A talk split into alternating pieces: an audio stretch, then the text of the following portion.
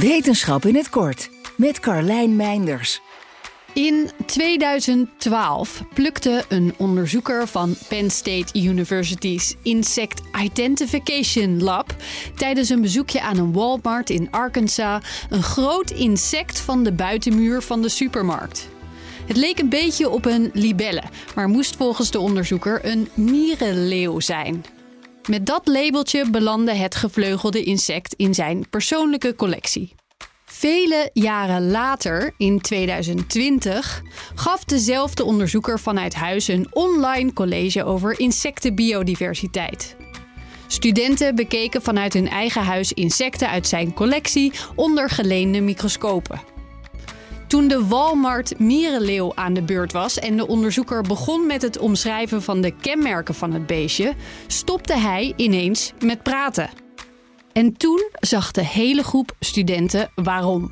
Het was helemaal geen mierenleeuw. Het was een zeer zeldzame giant lacewing uit de familie van netvleugeligen.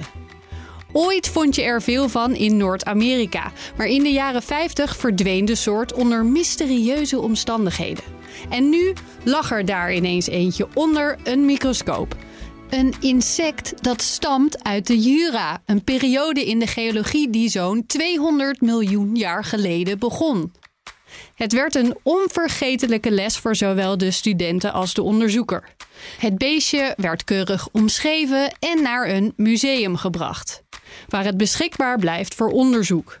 Want er zijn nog heel veel vragen. Wat zegt het bijvoorbeeld dat dit diertje na een halve eeuw ineens weer opduikt? Wil je elke dag een wetenschapsnieuwtje? Abonneer je dan op Wetenschap vandaag. Ook Thomas van Zeil vind je in de BNR-app. Je kunt live naar mij luisteren in Zaken doen, de BNR-app met breaking news, het laatste zakelijke nieuws en je vindt er alle BNR-podcasts, bijvoorbeeld Het Nieuwe Geld. Download nu de gratis BNR-app en blijf scherp.